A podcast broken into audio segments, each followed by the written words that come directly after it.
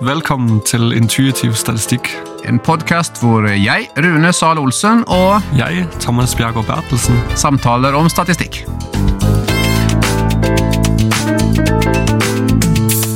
Velkommen til eh, denne podkasten om statistikk, hvor eh, jeg, da som heter Rune, skal snakke sammen med Thomas om statistikk. Eh, Men eh, Thomas, hva, først kanskje vi skal si noe om hva denne podkasten handler om? Ja, den handler jo om eh, statistikk, som er et tema som kanskje noen syns er vanskelig eller litt sånn tørt. eller Jeg, jeg merker mange vegrer seg for det, eh, men jeg tror vi prøver å gjøre det som å vise at det er noe som er gøy og hverdagslig. og Ja, vi, Du og meg kan jo sette oss ned på morgenen med en kopp kaffe og sitte og snakke om og noe vi har lest og vurdert, og tenke åssen er det, og Ja. det er riktig og sånn. Og, det, og, og jeg tenker, denne podkasten handler om det ikke bare fordi vi er supernerder, det er vi også, men det er ikke bare derfor. Egentlig så tror jeg alle mennesker er gode statistikere. Eh, Det, folk er intuitive statistikere. På en måte det som er konseptet her. Ja, Vi tenker jo virkelig det at alle mennesker bruker statistikk hver dag. Eh, De også som nå lytter til oss, har jo gjort det i dag, og kommer til å gjøre det videre. Det er ikke sikkert de er obs på, men eh, det skal være. Men eh, hva skal den handle om, da? Hvilke tema skal vi ta opp, Thomas? Ja, Vi starter med det basale, som jeg sa ganske omfattende. Vi får fylt ut en del podkaster bare med det. Men det er litt hvordan i det hele tatt forstå verden i tall. Hvordan eh, rangere verden, sånn vi kan gjøre noe statistikk på det. Hva gjør vi når vi mangler informasjon? Hva gjør vi hvis den informasjonen vi har, virkelig drar? Eller ikke helt stemmer det vi tror? Hvordan kan vi trekke slutninger av de tingene det igjen? Hvordan vi kan presentere det igjen? Og så beskriver vi forskjellige metoder, som eh, vi gjerne snakker om regresjon, som jo er en basic ting i, i dette her. Og forskjellige former for det. Mm. Og prøve å gjøre det på en måte hvor vi eh, bruker vanlige eksempler, og også de kliniske eksemplene for den hverdagen vi er. For vi jobber begge to i barn og unges psykiske helse. Mm. Ja, eh, og så tenker jeg også vi kommer til å snakke litt om hvordan vi leser og forstår, og hvordan vi vil anbefale det kan være lurt å lese og forstå forskning, for å gjøre forskning litt mer tilgjengelig også. Så vi har rett og slett laga, inklusiv denne starten, 17 podkaster som på en måte er grunnleggende, sånn at folk kan få en intuitiv forståelse av hva statistikk er, hvordan kan jeg bruke det, og få innføring i disse begrepene som man leser når man leser artikler, og som man trenger når man skal forske, på master- eller doktorgradsnivå, rett og slett. Og så vil vi legge til etter hvert noen podkaster hvor vi snakker om litt spesifikke temaer, som kommer med litt ujevne mellomrom etterpå. Hvorfor en slik podkast? Hvorfor trengs den, Thomas? Ja, jeg tenker det trengs. Eh, det finnes jo masse informasjon om statistikk, eh, masse fine bøker også på norsk eh, om statistikk.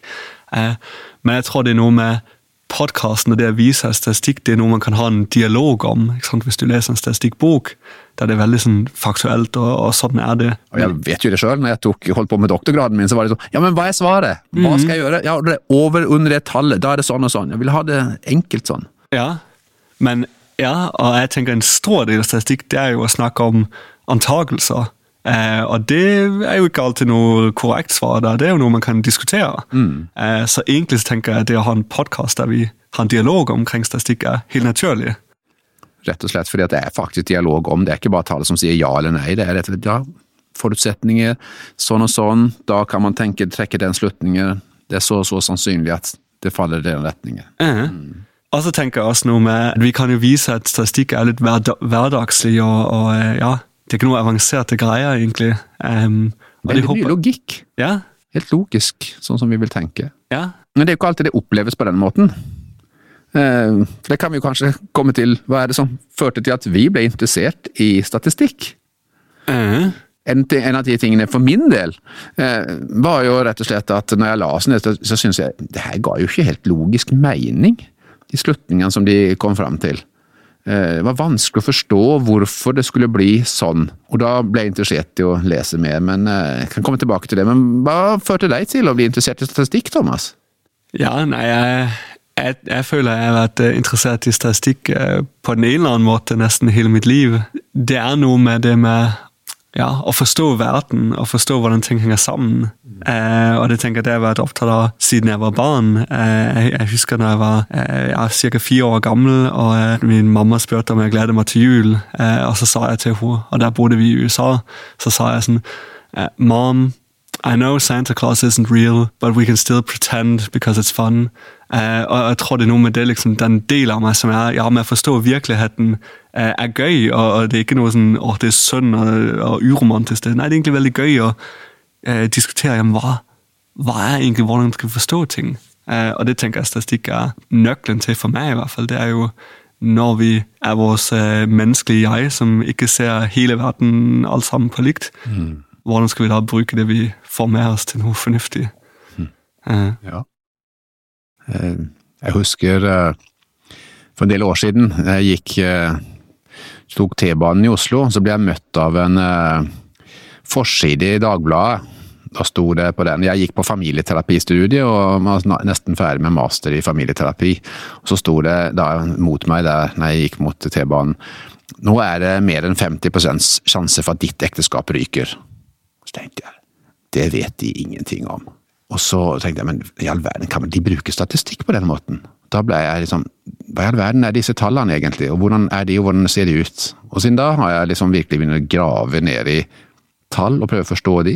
Så tok jeg den doktorgraden, og så syns jeg at mange av de metodene som jeg lærte meg der, til å analysere data, de, de hjalp ikke så mye med de dataene jeg hadde.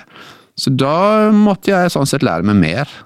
Og da fant jeg en ganske interessant verden som eh, jeg så da har interessert meg videre for. For Det som var på en måte var ubegripelige tall og bare noe man satte inn i et program eh, og ga et svar, det hadde mye mer mening, og jeg kunne få lov til å bruke hodet til å komme frem til noe. Så derav sitter vi kanskje rett og slett her nå og snakker om statistikk, for at det er noe man kan begripe og forstå. Mm.